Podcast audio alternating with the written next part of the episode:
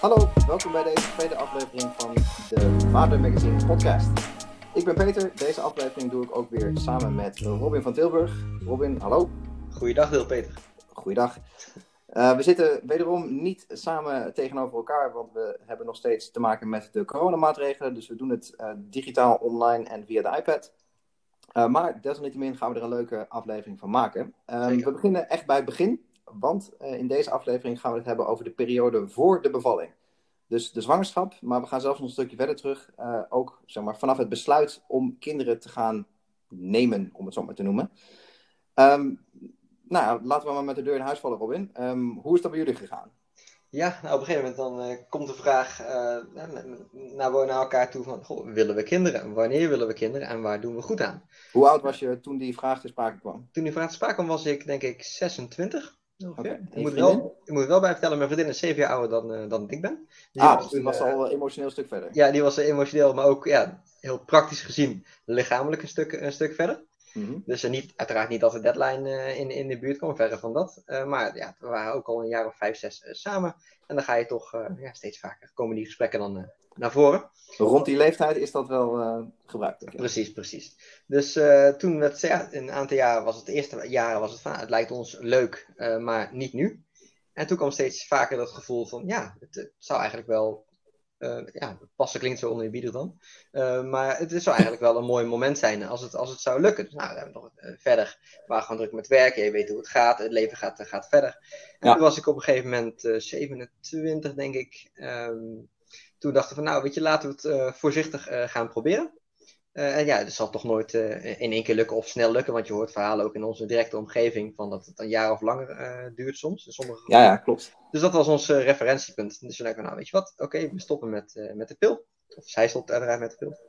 Um, en we gaan het gewoon proberen. En dan, dan kijken we wanneer het lukt. En dat lukt in ons geval gelukkig vrij snel. Dus toen uh, stonden we met een zwangerschapstest in onze, onze handen. Met de twee uh, blauwe streepjes erop. En nadat de shock, uh, enigszins waar we komen van de shock was van... Oké, dat gaat dus echt gebeuren. We gaan het dus doen. En ja, het, het, van tevoren, het is altijd interessant als je met die, met die keuze. Hoe, hoe besluit je of, of, of je toe bent aan een kind? Ik denk, van tevoren is het bijna onmogelijk om, om dat 100% zeker te weten. Maar op ik moment... denk dat niemand eraan toe is. Exact, exact. Maar de grap is van op het moment dat, uh, dat we dus wisten van hé, hey, mijn vriendin was uh, zwanger, we verwachten samen een kindje. Alle twijfel, alle, ja, alle onzekerheid niet, komen straks nog wel terug. Maar alle twijfel was in ieder geval weg. En is van yes, let's do it. Gewoon, we gaan het gewoon, uh, gewoon samen doen. En dat, dat, dat het dan gewoon heel erg als de juiste keuze ook, ook voelt. Zo voelde dat voor ons in ieder geval. Ja. En hoe was het voor jou? Voor jullie? nou, het, het voortraject was eigenlijk ongeveer hetzelfde. Ik was 30 uh, bijna. En mijn vrouw was bijna 26. Die is iets jonger. Um, en we, ja, een beetje hetzelfde soort van onderwijsgevoel van, nou, zo'n gesprek uh, komt steeds vaker uh, naar voren. En wij zeiden van, oké, okay, wij, wij hebben heel praktisch gekeken. Um, ik ben sowieso heel praktisch en mijn vrouw is Duits. Dus nou ja, wij houden van praktische zaken. Uh, wanneer gaat een kind um, binnen ons leven passen? En nou, wij kwamen er eigenlijk op uit dat het de komende tien jaar niet zou passen met studie, met werk, met een eerste baan, een promotie. Nou, verzin het allemaal maar. Mm -hmm. uh, dus we zeiden van ja, nou ja uh, tien jaar, dus dat is ook niks. Um, dus toen zeiden we van nou ja, goed, dan doen we het of helemaal niet. Maar waarom doen we het niet gewoon en dan dealen we er wel mee. En dan kijken we wel hoe we dat uh, eh, TZT gaan managen. Dus dat was eigenlijk het hele praktische besluit um, ja, wat er eigenlijk kwam. Want we waren het eigenlijk wel over eens dat we allebei kinderen wilden en ook met elkaar. Mm -hmm. Um, en we zijn, ja, wat ik zei, mijn vrouw was nou, nog geen 26 en ik nog geen 30. Dus ja, we waren allebei uh, gezond, uh, roken niet, drinken niet. Nou ja, allemaal prima. Dus we hadden eigenlijk het hele aspect van zou het wel uh, kunnen en hoe snel en wat dan ook. Dat is eigenlijk amper te sprake gekomen. Omdat we er eigenlijk, ja, misschien een beetje arrogant, maar ja, niet volledig onterecht denk ik, vanuit gingen van nou, als we dat gaan doen, dan, dan zal dat wel goed komen. -hmm. En toen, uh, ja, hetzelfde, uh, gestopt met pil. En uh, nou ja, met een app bijgehouden wanneer je natuurlijk de beste mogelijkheden hebt. Mm -hmm. En nou, toen kwamen ook de twee blauwe streepjes, eigenlijk zonder verrassing. En het was, ik zal niet zeggen een anticlimax, maar het was wel zo van, oh, oké, okay, ja, cool, gelukt. dus dat was, ja, dat was voor ons het startschot voor het ouderschap. Ja, dat klinkt alsof het besef nog niet gelijk was ingedaald toen je die blauwe streepjes zag. Nou, wat ik zeg, het was, het was meer van, wij zagen eigenlijk geen enkele, mogelijke, of geen enkele bezwaar tegen uh, ja, fysiek of wat dan ook, waarom we geen kinderen zouden kunnen hebben. Mhm. Uh, dus wij, wij, gingen er ja, eigenlijk vanuit dat, nou, zodra we dat gaan proberen, en dan heb je natuurlijk alle statistieken van, ja, het gebeurt maar één keer in de 1% van de 1% van de 1%. Uh, maar ja, wij zeiden eigenlijk van, ja, weet je, we hebben geen enkele reden om te twijfelen dat dit lukt. Dus nou ja, of het nou deze maand gebeurt of volgende maand, maar ja, dat het gaat gebeuren, twijfelden we eigenlijk niet aan. Mhm. Dus toen, toen de zwangerschapstest positief was, was het zo meer van, nou ja, zie je wel. Lag in de lijn der verwachting voor jullie. Ja, eigenlijk wel heel erg. Uh, zonder, ja, zonder al te, uh, zeg maar, de, de mensen die natuurlijk wel moeilijke, moeilijke zwangerschap aanloop hebben, is natuurlijk heel vervelend. Maar ja, wat ik zeg, we waren allebei eigenlijk kerngezond en jong. Hmm. Uh, dus geen enkele reden om daar aan te twijfelen eigenlijk. Nee. Ja, nee, zulke dingen, zeker de afgelopen jaren, zeker in het kader van mijn boek ook, heel veel uh, verhalen gelezen, ook uh, verhalen gehoord van stellen bij wie het inderdaad ja, wat minder goed ging, om maar even zo te zeggen. Om het heel eerbiedig uit te drukken. Precies, precies. Ja, het is, ja, het is zo lastig, want je hebt er, je hebt er geen invloed op. mijn vriend en ik prijzen ons echt, echt heel erg gelukkig dat we gewoon tot twee keer toe, dat het gewoon op natuurlijke wijze heel ja, vrij soepel ging. Ja, dus, hebben jullie ook iets van een app gebruikt? Uh, nee, eigenlijk niet. Nee, nee, we hebben het gewoon, uh, uh, ja, hoe moet je... Laten, ja, la, laten gebeuren, laat zo zeggen. Vind ik het ook weer een mooie bieding inderdaad. Gewoon laten gebeuren ja. en toen een aantal weken later van, nou, kut, laten we maar eens een keer een test aanschaffen en, en kijken. En okay. dan, nee, wij hebben wel echt een, nou, er zijn genoeg apps voor natuurlijk, om, om het ideale moment te plannen. Mhm. Heel romantisch allemaal.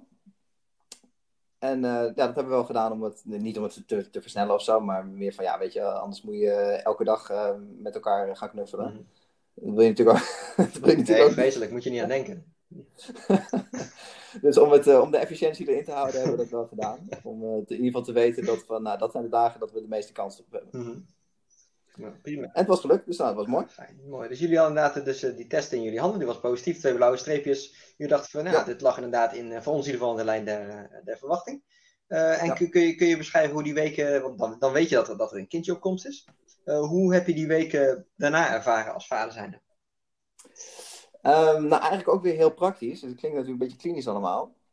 Ehm, maar ja, dan, we wisten het. Nou, oké. Dus dan is het een kwestie van ehm verloskundige uitzoeken. Of hoe, hoe noem je dat? Zo'n eh, zo'n kliniek. Of kliniek, zo'n. eh, het is geen huisartsenpost, maar een kraamzorg. Ja, een verloskundige praktijk. Verloskundige praktijk, ja, precies. Die hebben we opgezocht. Eentje die dichtbij was. En daar zijn we kennis gaan maken in eerste instantie. En dat was eigenlijk heel positief, want da- daar werkten geloof ik zeven of acht eh, verloskundige eh, begeleidsters. En die zeiden van, wij willen graag dat jullie ons allemaal individueel ontmoeten. Want wij zijn hier voor jullie, en niet andersom. Dus wij willen graag dat jullie ehm, de, de, te maken krijgen met degene waar jullie het beste bij Ja. voelen. Eh, dus dat was ook meteen ja, weer heel praktisch. Uh, nou, oké, dat bev- beviel ons wel, want ja, je hebt natuurlijk niet met iedereen een goede klik. Mhm. Ehm, en toen was het ook, ja, eh, zijn we ook echt begonnen met eh, inlezen. Klinkt dan wel weer heel, heel zwaar, maar ja, van wat kun je eigenlijk verwachten aan de, aan, tijdens de zwangerschap en wat niet. En waar moet je op letten en wat niet en dat soort Mhm. dingen. Eh, dus de eerste weken en maanden zeg maar, van de zwangerschap dat we wisten dat het kwam, was ook vooral heel praktisch. Nadenken over ja, welke dingen je nodig hebt in de komende tijd. En vooral ook welke zorg je nodig hebt. Je moet natuurlijk je zorgverzekering aan gaan schrijven. Eh, ziekenhuizen gaan uitzoeken, dat soort dingen. Dus we zijn eigenlijk vooral praktisch bezig geweest. ja. Jij? Dat is wel grappig, want mijn vriendin en ik hadden een hele verschillende ervaring van die, van die eerste weken. Mijn vriendin die, eh, is heel eh, praktisch in de regel ook. Dus die was nou, ze allebei natuurlijk super blij dat, er, dat er een kindje op komst eh, was. En mijn vriendin die kan dan, schiet dan heel snel in, inderdaad in de, de regelmodus. Van goh, we moeten dit aftikken, we moeten dat regelen, we moeten dat doen. Checklist. Checklist inderdaad. En ik, ik merkte dat ik zelf heel erg meer in, op de, ja, in, in mijn emotie zat. Eh, in die zin van, goh, ik, ik, ik, wil gewoon, ik wil er alles van weten. Ik wil me optimaal voorbereiden en ik ga dit gewoon, eh, gewoon doen. Ik ging op zoek naar artikelen, naar boeken en, eh, en zulke dingen. En mee naar, naar afspraken. Eigenlijk alles om maar een beetje grip te krijgen op, ja, op wat er eigenlijk ging gebeuren. Voor, voor zover dat, dat, dat, dat, dat probeer je dan althans. En Ja. ik, merkte zelf, ik ben benieuwd hoe jij dat hebt ervaren die eerste weken. dat het zeker, we hebben het volgens mij met acht weken de eerste echo bij de verloskundige gehad. Of, nog iets later, acht en Ja. Ehm, en daarvoor was het toch een beetje, ik had er wel het gevoel dat ik een beetje in het, in het luchtledige zat. Hè. Mijn vriendin die voelde intern van alles gebeuren, was een beetje misselijk, uiteraard moe, logisch. Ehm, ja, en ik stond er een beetje voor mijn gevoel onwennig bij. Van ja, oké, ik, ik, lees dan dingen van oh, in die week is het kindje zo groot, ontwikkelt dit. Ik, ik ben er ook nog. ja, precies. Maar goed, dat uh, is ook meer. Ja, ik vond het super leuk om vriendin alles, alles samen te doen. Maar ik vond pas met die echo en toen we ook het hartje zagen en horen kloppen. Toen had ik pas echt het gevoel van: oh shit, het gaat nu gewoon echt, uh, echt gebeuren. Toen werd ik, voor mijn gevoel, werd ik toen gevoelsmatig uh, ja, een beetje vader om maar zo uh, even wat groot, groot te maken. Hoe heb jij dat ervaren, die eerste periode? Nou, het is precies zoals je het zegt, heb ik het ook ervaren. En dat is denk ik wel een enorm cliché. Ehm, maar daardoor niet minder waar. Want je hebt natuurlijk als vader gewoon veel minder connectie, uh, zeker in het begin, maar ook na de bevalling en met borstvoeding, dat soort dingen, dat heb je gewoon niet als vader. Uh, en waar je vriendin en mijn vrouw dat natuurlijk allemaal binnenin voelt gebeuren en het lichaam verandert en alles wat erbij hoort, dan hebben wij dat natuurlijk helemaal niet. Dus die eerste echo was voor mij inderdaad ook de eerste echte bevestiging van, oh wauw, kijk. En dat het dan het formaat van een pinda heeft en zo, dat doet er dan allemaal niet toe.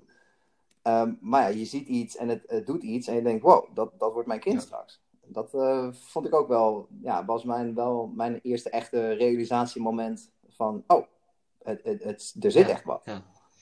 En dat was wel, um, ja, was wel goed. Was wel een mooi moment, uh, die inderdaad acht weken was het geloof ik ook. Uh, dat je dat inderdaad ook echt fysiek ziet. En ik denk dat het ook wel, misschien een beetje cliché, maar is ook wel weer een mannending. Van het, is, het is moeilijk voor te stellen, want we hebben natuurlijk geen idee van wat er binnen zo'n lichaam gebeurt en wat je, hoe je je daarbij voelt. En dan heb je natuurlijk mood swings en uh, morning sickness. En nou ja, goed, maar ja, daar sta je bij en dan kijk je naar eigenlijk. Um, maar als je dan zo'n zo'n echo ziet, zo'n live feed, zeg maar, met dat kloppende hartje, dat je denkt, oh, daar, daar, daar is het. Dat was, uh, was ook wel mijn uh, realisatiemoment. Ja, dan wordt het, wordt het gewoon echt. En wat je zegt, misschien ook wel een mannending inderdaad. Van, dan, als je het ziet, dan, dan, dan, dan gaat het ook, ook ja, voor je gevoel wat, wat meer leven. Uh, ik had, ik... Is trouwens wel een punt van aandacht, denk ik. Ik denk dat de hele periode tot aan de bevalling toe, en eigenlijk ook na de bevalling wel, het draait wel eigenlijk voor 99% om de mhm. moeder. Niet onterecht, denk ik. Want het is natuurlijk de moeder die het hele proces van echt van dichtbij meemaakt. Um, heb jij veel het gevoel gehad van uh, of je nou bij een verloskundige zat of bij een, een, een dokter of, uh, of een echotheek mm -hmm. of mhm. wat dan ook? Van ja, ik, ik, ben er en ik mag, de, ik mag de auto voorrijden en dat is ongeveer wel? Of, of zat, zat je daar voor spek en bonen bedoel je? Nou, kijk, spek en bonen, ja, aan de ene kant natuurlijk wel. Wat ik zeg, het, het gaat natuurlijk ook wel echt om de mhm. moeder. Je draagt verder niks, niks bij aan de zwangerschap, behalve dat je het, uh, het zaadje hebt um, geregeld. Uh, ja, zij moet het uiteindelijk allemaal doen. Ja, maar to toch niet helemaal mee eens. Want uh, ik, zeker in het ik, ik merkte toen, ik had veel, veel ingelezen. En uh, bij de verloskundige, nou, ik heb wel een lijstje met vragen die ik, die ik wil stellen. Hè? Ook van wat, wat ik dan voor mijn, voor mijn partner kan doen, mijn zwangere vriendin. maar ook met het kind van wat, wat ik dan eigenlijk als, als vader kan, hè, kan, kan doen. Um, ja. En uiteraard, logisch, alle aandacht gaat inderdaad bijna naar, naar de jonge moeder. Dat is absoluut, absoluut goed. Maar ik denk wel, um, dat, en dat is ook in het kader van mijn boek heb ik heel veel vaders gesproken en veel uh, dingen onderzocht. Dat als een vader al tijdens de zwangerschap hè, meer betrokken wordt bij het proces, bijvoorbeeld bij de verloskundige, ja. dat hij ook, uh, dat, dat later, de jaren daarna, de kans groter is dat hij ook dan meer aanwezig en betrokken, aanwezig en betrokken blijft. Dus ja, het is absoluut uh, goed dat de aandacht eh, voornamelijk naar de, naar de, de, zwangere vrouw en jonge moeder gaat. Logisch, die doet al het fysieke, het, het zware werk absoluut respect. En dat is ook echt niets waar we als vaders uh, jaloers op, uh, op, moeten zijn. Uh, maar ik denk wel dat het goed is als, als het vader betrokken is en betrokken wordt bij, tijdens de zwangerschap. Um, dat dat gewoon ja, fijn is voor, voor iedereen eigenlijk. Want zeker, ik merkte tijdens de zwangerschap, ja, hormonaal gebeurt natuurlijk van alles bij, bij een zwangere vrouw. En aan de andere kant moet je, word je ook nog eens oversteld met informatie vanuit het ziekenhuis, bij echo's en vanuit de verloskundige. En als je ja. denkt, als je dus samen bent, ja, twee horen meer dan één. En ik vond het heel fijn om ook op punten dan mijn vriendin nog te, te, kunnen aanvullen of achteraf de dingen kunnen vertellen of te kunnen duiden van, oh, dat is dat zo en zo. Dat het echt op die manier uh, samen deden. Dus ik denk wel dat, het, uh, de aandacht gaat, gaat, gaat inderdaad uh, naar de jonge moeder. Dat is ook op de zwangere vrouw, dat is supergoed. Moet ook. Maar ik denk wel als, als, je, als het meer vanuit de, de, de gedachten samen gaat, dat het dan een voordeel heeft voor, voor iedereen eigenlijk. Ik ben het met je eens. Uh, ik heb er echt een punt van gemaakt om bij alle afspraken mhm. te zijn. Uh, dus elke echo, elke test, ook al was het alleen maar om, uh, weet ik veel, een uh, urinemonster in te leveren, mhm. ik was erbij. Daar heb ik er echt een punt van gemaakt. Want ja, ik, ik vond ook wel echt precies zoals je beschrijft eigenlijk, van alle, alle aandacht gaat uit naar de vrouw. Moet ook veel, veel zo zijn. Twee horen inderdaad meer dan één. Dus ik wilde daar ook wel echt bij zijn om mijn rol nou, niet te mhm. claimen.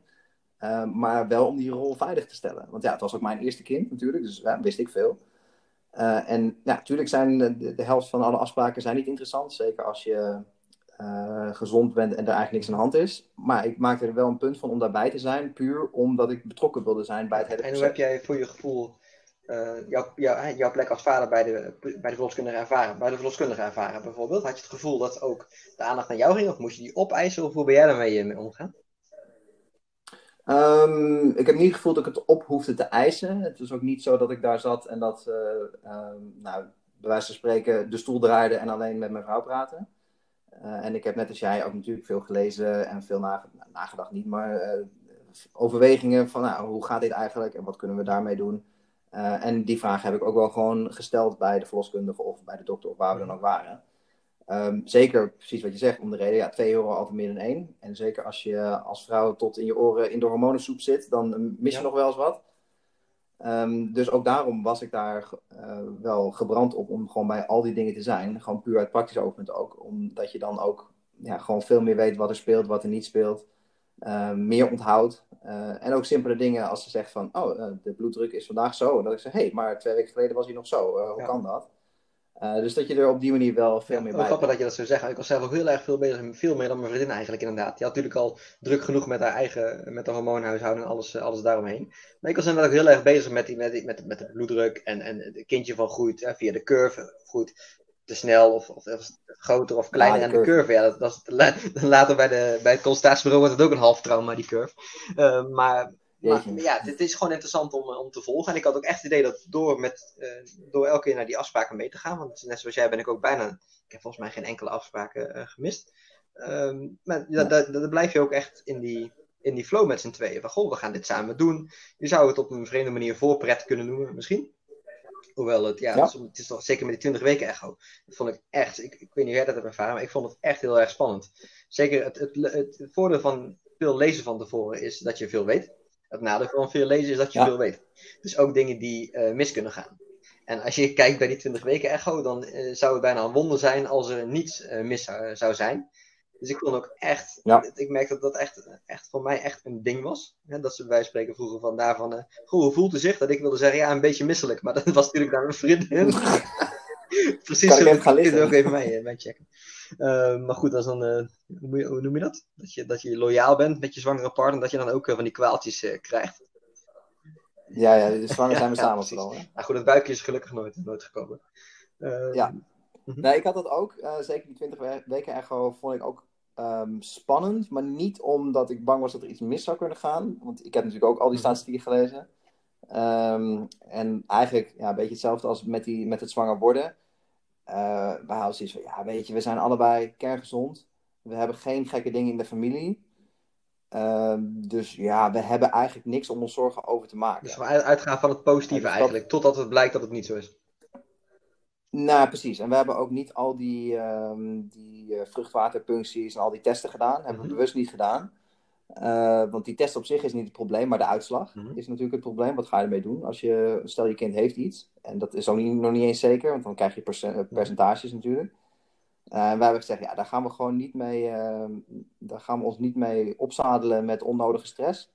want we hebben ja, geen reden om ervan uit te gaan dat er iets mis is. Dus tenzij er echt iets mis is, gaan we daar ook gewoon oh, niet mooi. Is dat, is dat iets waar jullie. Ehm, het allebei al heel snel over eens waren? Okay. Ja. Ja, want je krijgt natuurlijk op een gegeven moment, uh, ik geloof dat het zelfs nog voor die 20 weken echo is, van ja, je, je krijgt altijd opties. Weken, Wilt u deze test, uh, een vlokkentest en nou weet je wat allemaal. En wij zeiden, ja goed, we hebben, wel, we hebben wel echt over nagedacht en ook over gepraat. Van, ja, weet je, wat, wat gaan we met zo'n uitslag doen? Realistisch gezien, wat gaan we daar nou mee doen? Ja, helemaal niks natuurlijk. En dan kun je ook zeggen van ja, als het uh, meer dan uh, 73,5% is, doen we het wel. En als het minder dan 82, nou weet je, daar kan je gewoon helemaal niks mee met dat soort getallen. Ja. Um, dus dat hebben we bewust allemaal. allemaal we, we hebben het achteraf, uh, we, we, hebben het wel gedaan, alle twee. Uh, maar ja. ook, ook eigenlijk dezelfde afweging van uh, waar doen we goed aan? Ja, je, je weet het niet. Het, het, het, je krijgt nee. na het cijfers met een prognose van dit is, dit is, dit is de kansberekening, om het zo te zeggen. Ja, dit Ja, zou er dat kunnen hebben gaan we wel eh, gedaan. Maar goed, je krijgt dan die uitslag. En die was in beide gevallen gelukkig heel, eh, heel goed eh, bij ons. Dus dat is fijn. Maar goed, wel over nagedacht van wat als het, als het niet goed eh, zou zijn. Hè? Wat, wat, wat doe je dan? En natuurlijk, hypothetisch hebben we er ook echt wel over gesproken. Maar ik denk toch dat je, ja, pas als je echt, echt hoort van hey, er, is iets heel erg mis. En, en dit is, is het vooruitzicht. En wat willen jullie? Dat je dat onmogelijk van tevoren hypothetisch kunt, eh, eh, kunt doen. Nee, dat denk ik ook niet. Ik denk dat je, je kan best wel zeggen, wat ik zeg, hè, als, je, eh, als de kans 1 op 5 is, doen, ga, doen we een abortus. En als het 1 op 4 is, niet. Ja, ik, denk dat je met dat soort getallen Ja, dan, helemaal probeer, dan je het heel rationeel te maken, terwijl het is, wat, wat puur op gevoel zit. Ja, precies. En dat is ook iets wat je van tevoren nooit kan, kan Mhm. aftekenen, denk ik. Dus dat, eh, ja, daarom hebben we het niet gedaan. Maar toen die 20 weken echt wel kwam, eh, dat was wel, dan hoor je ook het geslacht natuurlijk. Dus dat was wel een mooi. tenminste, we hadden niet gehoopt op een jongen of Mhm. gehoopt op een meisje. Eh, maar als je dan toch weet, dan is het toch leuk. En dan wordt het nog echter dan die acht weken echo Ja. waar het nog een pinda is. En dan, dan wordt het ook steeds meer een, een, een poppetje, zeg maar. Dus dan werd, toen werd het Hadden jullie al een werktitel zeg maar. bijvoorbeeld? Dat jullie, dat jullie, eh, zijn, zijn jullie de baby of noemden jullie al gewoon een, een naam voor de vorm? Eh, wij hadden eh, vier namen. Robin, nee, Rob, Mhm. Robert, dat is uiteindelijk geworden. Jack, Emily en Amy. Nee, niet Amy, Julie. Dus wij wisten al, we hadden twee jongensnamen, twee meisjesnamen. En eh, toen we wisten dat het jongen werd, zeiden we van, nou, hallo Robert. Nou, mooi. Fijn. Dat was, eh, ja, fijn dat je daar ook snel over eens bent. En dat het dan, eh, ja, dat is inderdaad het voordeel dat je weet Ja. of het een jongen of een meisje eh, wordt. Want wij, wij, wij wisten, in beide gevallen wisten wij het niet. We wilden het niet weten. Gewoon meer van, eh, mijn vriendin zei het, eh, ik wilde eerst wel weten. Mijn vriendin is heel mooi. Ja, er zijn al zo weinig verrassingen eh, in het leven. Laten we dit nou gewoon mooi hou- zo houden. En van, ja, dat heeft eigenlijk wel een, wel een punt. Dus laten we het gewoon, gewoon doen.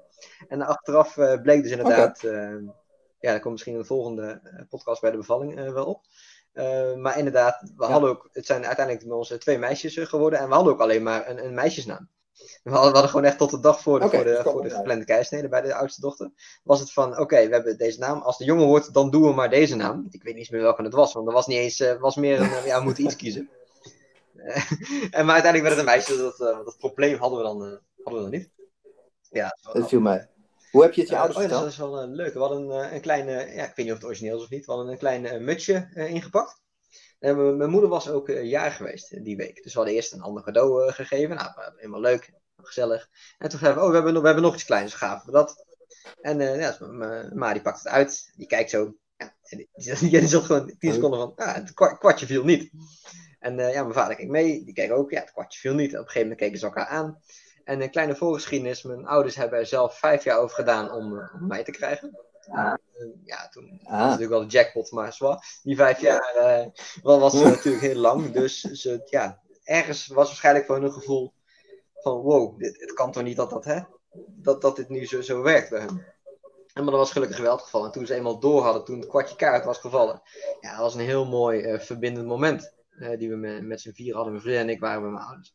Ja, dat was gewoon, gewoon heel tof. En ik vond vooral, die, ze zeggen dan de eerste twaalf weken moet je het officieel niet zeggen, want er kan nog veel misgaan. Dat hebben we ook netjes gedaan, Ja. maar dat komt ook meer achteraf. Ja, weet je, bij de tweede hebben we dat bijvoorbeeld ook niet, eh, niet gedaan. We gewoon, hebben we gewoon, nee, gewoon eerder verteld. verteld? Gewoon meer de- bij, de, bij, bij de eerste Oké. hadden we het gevoel, nou, alles, ga alles netjes volgens het, eh, volgens het boekje doen. Eh, maar toen vertelde, maar het is zo tof als je, als je het kan delen. En dan ga je het ook echt delen, dan, dan gaat het nog meer leven. Dat is wel, wel heel tof. Ja. En hoe, hoe reageerde jullie omgeving op? Want het, het, het klinkt, niet- het klinkt niet alsof jullie van een hele ehm, duidelijke kinderwens hadden die jullie in de wereld al eh, gegooid had. Nee, nee, dat was niet het geval. Maar we waren al wel ook vijf, zes jaar bij elkaar de- destijds. Dus het, het, nou ja, het, het lag in de lijn der verwachtingen, maar het was nooit echt uitgesproken inderdaad. Wij hadden toevallig rond, eh, ik geloof rond 13 of 14 weken, hadden we een, ehm, een uitje gepland. De ouders van mijn vrouw, mijn vrouw is Duitser, dus haar ouders wonen in Duitsland. Eh, en we hadden een uitje gepland in Madurodam. Met, z'n- met allen, met mijn ouders en haar ouders. Ehm, en wij hadden een, of tenminste, ik had een, ehm, hoe noem je dat? Een rebus met, zo'n, met van die plaatjes van Oh, zon min n is zo. Eh, ik had een rebus gemaakt. Ehm, en de uitkomst van de rebus was You will soon become grandparents. En ik had ze dus eh, tijdens het eten allemaal een kaartje gegeven met een, met een, een Hmm. deel van de zin erop. Uh, dus dat was van, oh, we hebben nog een geinig spelletje gezien. Uh, hier, moet je even doen en maak je een zin. En de zin was dus uiteindelijk heel soon become grandparents. Uh, dus het kwartje viel toen, de, toen de zin helemaal naast elkaar lag. Toen zagen ze het allemaal en toen waren ze natuurlijk super blij. Dus dat was wel grappig. En de tweede hebben we. Um, hoe hebben we dat gedaan? Oh ja, de tweede hebben we aan de ouders van mijn vrouw gewoon verteld. Van, oh, volgend jaar komt er nog eentje. Oh, nou, cool. En mijn ouders, we, hadden een, we gaan elke junivakantie gaan we met mijn ouders een weekje naar een uh, Tesla of zo. Uh, dus we hadden foto's van het jaar ervoor. En ik had uh, die foto met, met ons allemaal. en dus ook met Robert, de oudste erop. daar had ik nog een Maxi Cozy in gefotoshopt. en ik had erboven gezet, in plaats van vakantie 2016, had ik erboven gezet vakantie 2017. Uh, dus ik had, en ik zei, we waren gewoon op bezoek een keer. Dus ik zeg, oh, ik heb nog een fotootje van, uh, van de zomer uh, mooi afgedrukt. Ze zei, oh, leuk. Hier, ik zei, hier, pak maar uit. En toen zaten ze even te kijken. Nou, wat je net zegt, kwartje viel niet. Huh? Nog een keer kijken, nog een keer kijken. Oh, wat? Dat is het. Oh, tof. Dus nou, zo hebben we het twee keer een beetje, een beetje creatief verteld. Ja. ja. Wat wel grappig. En het is ook wel leuk om te zien hoe de. Dat is ook weer een mooi onderwerp voor een andere podcast. Hoe de, hoe de ja, en ja, ja, of de, de ja, nee, ja, daar kunnen we volgens mij een hele serie over, over maken. Zeker als de, de kinderen er helemaal zijn, uh, eenmaal zijn, inderdaad. Um, oh, wel tof. Ja. Nou, inderdaad, ja, allebei eigenlijk uh, een beetje hetzelfde verloop. De eerste weken een beetje onwennig. Toen door de meegaan naar de afspraken bij de verloskundige ja. en de, de, omgeving vertellen, meegaan naar de test uh, en de echo's, gaat het wat meer leven. Um, wat hebben jullie verder nog gedaan om, ja, om eigenlijk samen toe te leven na, na de geboorte? Hoe hebben jullie die verbinding gezocht met elkaar? Um, niet. nee, we hebben het. Um, ja, die, uh, we woonden samen, dus dat uh, verbinding genoeg wat dat betreft. Um, uh, we hebben wel heel veel samen gedaan met kinderwagentje uitzoeken en dat soort dingen. ook daar heb ik echt een punt van gemaakt om daar eigenlijk bij alles bij te zijn. we hadden onze zeg maar, kindermeubels, dus een wiegje en een commode en dat soort dingen, hadden we gewoon vier maanden van tevoren al gekocht, omdat het toevallig op Marktplaats een keer voorbij kwam of een of andere Facebookgroep. Iemand die wilde er vanaf weg. Nou ja, het kind komt toch wel, dus laten we het maar kopen. Uh, dus we hadden heel veel dingen al, zeg maar, praktisch uh, wederom uh, aangeschaft en ingericht en dat soort dingen voordat de baby aan het komen was. Dat was eigenlijk ons ja, opbouwritueeltje richting de bevalling toe. Van het, het, klaarmaken van het huis voor de baby. En ik denk dat we daar wel veel eh, ja, hoe noem je dat? Niet samengekomen zijn, maar dat hebben wij allemaal samen gedaan. We hebben echt alle. Het is niet zo van, uh, oh, ga jij even een kinderwagen halen? Of, oh, red jij mhm. even de Maxico's voor in de auto? Ja. Maar dat hebben we echt samen gedaan. En van de kleur uh, van de kussentjes tot het uh, dekentje naaien. en ik had heel praktisch, maar alle kanten ook echt wel samen, zo te horen. Ja, nou ja, het was. het, is, het is alweer zes jaar geleden, maar we, we waren wel. ja, echt een, een stelletje in, in de bloei van jonge ouders aan het worden, zeg maar. Uh, dus het was ook wel een mooie binding uh, op die manier om toch wel die zwangerschap zoveel mogelijk samen te doen. En het is ook, um, zoals ik in de intro al zei, ik was, uh, voordat we zeg maar, besloten om zwanger te gaan worden, ben ik gaan werken, traditioneel gezien, want ik had eerst een eigen bedrijf. toen ben ik gaan werken, omdat je dan toch een wat stabiele inkomen hebt. En dat was zeg maar de voorbereiding om kinderen te gaan krijgen.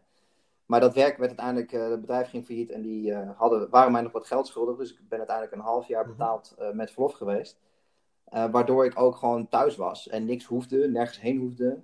Um, en er gewoon ook ja, voor simpele dingen altijd kon zijn. Uh, dus als mijn vrouw een keer riep van, uh, oh, ik heb nu zin in mini-pizza's en die moeten nu gehaald worden. nou, dan ging ik mini-pizza's halen. En dat kon ook allemaal, weet je. Dus ik, ik was ook niet, zeg maar, op een of ander troostloos kantoor afwezig de hele dag en met haar thuis wachtend tot het een keer zou gaan plaatsvinden. Dus ik was er wel altijd bij ook. dus dat scheelde wel een boel. Nee, ja, het is wel mooi, mooi dat je zegt dat je er ook uh, kan zijn. Had ik zelf ook uh, heel erg. Ook, ik had ook die behoefte, merk ik. Uh, maar we proberen ook op andere manieren wel echt ja, het samen een beetje de voorpret te, te vergroten. Ofzo. Dat ik ergens uh, gelezen dat een kind bij de vijfde maand van de zwangerschap is het gehoor al ontwikkeld. En als je dan bijvoorbeeld uh, voorleest, dat je dan in die zin al uh, of een band kunt, uh, kunt opbouwen, of in ieder geval contacten kunt maken. Nou, we hadden al, ja, we hadden heel vroeg ja, dat hebben we ook gedaan. leesboeken gegeven van Dikkie Dik. Dat boek hebben we nog steeds. Dat is ook elke keer een leuk verhaaltje om naar weer nieuwe tegendochters te zeggen. Want die heb ik ook echt tot vervelens toe voor hun misschien, uh, voorgelezen toen ze in de buik waren. En wat echt wel tof was, voor mijn gevoel. En wat, ja. wat, we daar straks ook, uh, ook aan het begin over hadden. Voor je gevoel kun je als eh, vader en partner niet altijd heel veel doen, want de, ja, de vrouw heeft toch het lichamelijke aspect. Ehm, en door dat voor te lezen met, met, mijn mond dicht bij de buik, dan ging ik voorlezen, begon ik een verhaaltje. En bij de volgende bladzijde was het vaak al dat ze of uh, begon te schoppen. Of als ik mijn hand op de buik legde, dan kon echt die handje ook. Of uh, je voelde aan de andere kant iets ook echt bij mijn hand, zeg maar. Dus je had echt contact en, en ja. zulke dingen. En het, het, het, ja, andere categorie. Um, elke week had ik dus uh, van de zwangerschap een foto gemaakt, aan profiel van mijn, van mijn vriendin. Dus ik ga de weg heb een hele toffe serie van pak een beetje 40 foto's die het hele verloop laten zien. En ik merkte juist dat, dat zulke dingen, ja, het ook echt heel erg hielp om, om het samen te doen. Want elke keer weer even een momentje van, hé, hey, vet, het gaat echt vooruit. Dat zag je ook aan die buik, er was geen ontkennen aan. Uh, dus dat was wel heel tof om het, nee. Om, het samen te doen. Dus je hebt echt wel wat mogelijkheden. Je kan achter, ja, achteraf teruggaan en denken dat je kunt als aanstaande vader toch meer doen. Dan dat je afhankelijk misschien denkt, als je in de eerste week nog niet goed weet uh, wat er allemaal gaat gebeuren. Dat is zeker waar. Ik denk dat wij trouwens dezelfde boek hebben gelezen destijds, want ik heb precies hetzelfde gedaan. Uh, inderdaad, aaien over de buik, spelen met het uh, kindje als het terugduwt, uh, praten tegen de buik van, nou, we hebben vandaag je kastje gekocht en we hebben, morgen gaan we ja. je, je bed maken, dat soort dingen. Ik denk dat je dat wel mooi zegt. Maar ja, je, als vader denk je natuurlijk vrij snel van, nou ja, weet je, het is, ik ben er, maar that, that's it. Maar je, je kan wel gewoon heel veel doen. Al is het maar iets kleins als foto's maken. Weet je, het kost geen tijd. Uh, toch leuk, zeker later. En op die manier ben je ja. toch betrokken bij het hele proces. Het is misschien wel leuk om deze aflevering ook af te sluiten met een aantal uh, praktische tips eigenlijk. Hè, wat, wat je als uh, aanstaande vader kunt doen om je ja, voor te bereiden op, op, de komst van jullie kind. Maar ook hoe je die, gewoon die zwangerschap gewoon met je partner zo goed mogelijk kunt, kunt invullen. Nou, ik denk dat dat voor mij... Um, ik denk dat de als, als ik één tip zou mogen geven aan mensen, aan vaders die, aanstaande vaders, is het tijd. Tijd, tijd, tijd, tijd, tijd. Al zit je maar, zeg maar samen op de bank niks te doen, ik denk dat dat toch belangrijk is, dat je er bent. Um, en ook gewoon de, de tijd maken om tijd te hebben. Want wat, wat we eerder al zeggen, natuurlijk is de, de 34ste afspraak bij de verloskundige om bloeddruk te meten. Natuurlijk is het niet spannend. Gebeurt niks, het zal allemaal wel. Um, maar ik denk dat je toch moet zijn. Want als je er bent, is het toch weer een deel van het proces. Het is toch weer een stapje. Het is toch weer een nieuwe milestone die gemaakt is, want je bent toch weer een week verder. Uh, en ik denk dat die dingen, uh, als je daar al zeg maar gaat zeggen van, oh ja, ik ga een keer niet mee, of oh, ik mis een keer, of oh, uh, die vergadering, of wat dan ook. Ik denk dat, het daar al wel, dat je daar al wel een richting in zet. En ook andersom, ik denk als je er wel bent, dan zet je ook al een richting Volgens mij, denk ik met het, met het uh, schrijven van een boek ook, onder een, van, een van de conclusies uh, was daar ook het teamgevoel. Hè? Het, het, het gevoel, het, exact. Precies, het gevoel, teambaby. aan je partner geven, ook voor jezelf het gevoel hebt dat je het echt samen doet. Ja, dat het dan gewoon veel, veel een heel, dat de periode zoveel intenser en zoveel mooier maakt. Maar alles is fijner als je het, als je het samen doet. En zeker als je uh, vriendin heeft ja. alle lichamelijke ongemakken, doet het lichamelijke zware werk. En dat je dan als vader, maar zeker ook in die fase als partner, wat je net zegt, ook simpelweg zorgt dat je er bent. En dus inderdaad meegaat. Dat kan op allerlei manieren kan het. Dus inderdaad meegaan naar afspraken, interesse tonen en mee dingen uitzoeken voor de uitzet voor de baby. Maar ook die foto maken, contact maken met je, met je ongeboren kind. Het zijn allemaal dingen die allemaal weer terug te leiden zijn aan het samen doen. En denk als je je samen voorbereidt ja. uh, op, de, op de komst van een, een, eerste, tweede of derde, of whatever, hoeveelste kind, uh, ja, dat, dat het zoveel fijner is en dat het fundament ook sterk is voor de periode daarna. Omdat je, ja, als je, ja, als je, als je het samen doet, is het, voelt het zoveel fijner. In ieder geval, dat zou mijn advies zijn. Ja. En ik denk de tweede advies wat ik zou geven is: maak het je vrouw zo makkelijk mogelijk. Uh, alles van voetmassages tot boodschappen doen, tot voor de koken, tot uh, wat dan ook. Want zij heeft het al zwaar genoeg, zeker tegen het einde. Uh, is het gewoon ongemakkelijk zo'n grote buik te hebben. simpele dingen als van, de, van je ene zij naar je andere zij rollen is al een hele opgave. dus ik heb ook, als ik terugdenk, wel geprobeerd echt mijn best te doen om te zorgen dat er altijd eten is. En natuurlijk, zeker met zwangere vrouwen vol met hormonen, wil ze om 6 uur gehaktbal, om 7 uur biefstuk, om 8 uur vegetarisch, om 9 uur helemaal niks en om 10 uur weer wat anders. Maakt niet uit. Uh, hoe irritant ja, ook. Ja. Ik ging meteen naar de supermarkt om het te halen. Misschien wel eens te binnen. Ik heb toen, er is een heel tof boek, Aanpakken voor aanstaande vaders. Dat is een boek van voormalig verloskundige en vadertrainer David Borman. En die schrijft daar heel mooi over. Eh, als je Ja. ja. vrouw zwanger, maar ook hoogzwanger is, dan gaat het vooral om kusjes en klusjes. Dus ge ja, geef, geef er eh, aandacht. Kusjes en clubjes. ja. Ehm, Geef haar positief aandacht, geef haar complimenten, vertel dat ze het supergoed doet. Leef met haar mee. Eh, en als ze iets vraagt, doe het ook gewoon. En, dat, en de andere zin die daarna volgde, vond ik echt geniaal. Zij is leidend, dus ook leidend. Dus wat zij wil, doe het Juist. gewoon. Je, tuurlijk, tuurlijk zit daar een mate van redelijkheid aan, Ja. zit daar een grens aan, maar die grens is wel heel ver weg. En zeker als, eh, als een vrouw hoogzwanger is, dan gebeuren daar, het is ontzettend complex wat er lichamelijk eh, gebeurt. En denk ook een tip voor iemand die er luistert, die, eh, die, die denkt van nou, die hormonen, ik vind het, ik vind het nogal pittig. Eh, realiseer je dat het, eh, dat het een fase is, dat de vrouw daar in de regel heel weinig aan kan doen. Het is gewoon een ongelooflijk eh, eh, ja, complexe cocktail van, van, van hormonen en alles, alles bij elkaar. Eh, dus kom terug op die kusjes en klusjes. eh, doe het samen. En eh, ja, probeer het zo goed mogelijk te doen samen. Doe het samen, doe je best. Doe het samen, doe je best. Mooi, mooi. Nice. Vind ik een mooie afsluiting van deze tweede aflevering, maar eerste, zeg maar, eh, eerste diepere aflevering over echt een specifiek onderwerp. Dus tot zover eigenlijk tot de bevalling. Volgende aflevering gaan Ja, we verder vanaf dat punt, denk ik. Eh, dus ja, de gewoon de bevalling periode, en eh, de net die eerste laatste tijd week, daarna. eh, voor de uitgerekende datum van hoe ervaar je die als aanstaande vader. Eh, krijg je koudwatervrees, spelen er andere dingen en hoe gaat zo'n bevalling in zijn werk? En hoe is de periode daarna inderdaad? Precies, dat in de volgende aflevering. Eh, voor nu alle praktische info natuurlijk weer in de show notes van onze links naar de social platforms, naar de website en allerlei andere dingen. En natuurlijk het boek wat Robin heeft geschreven, Kickstart je vaderschap. Voor nu bedankt voor het luisteren. Ja, jij bedankt eh, Peter. Robin ook bedankt voor vandaag. Gaan we doen. En eh op Yes. naar de volgende.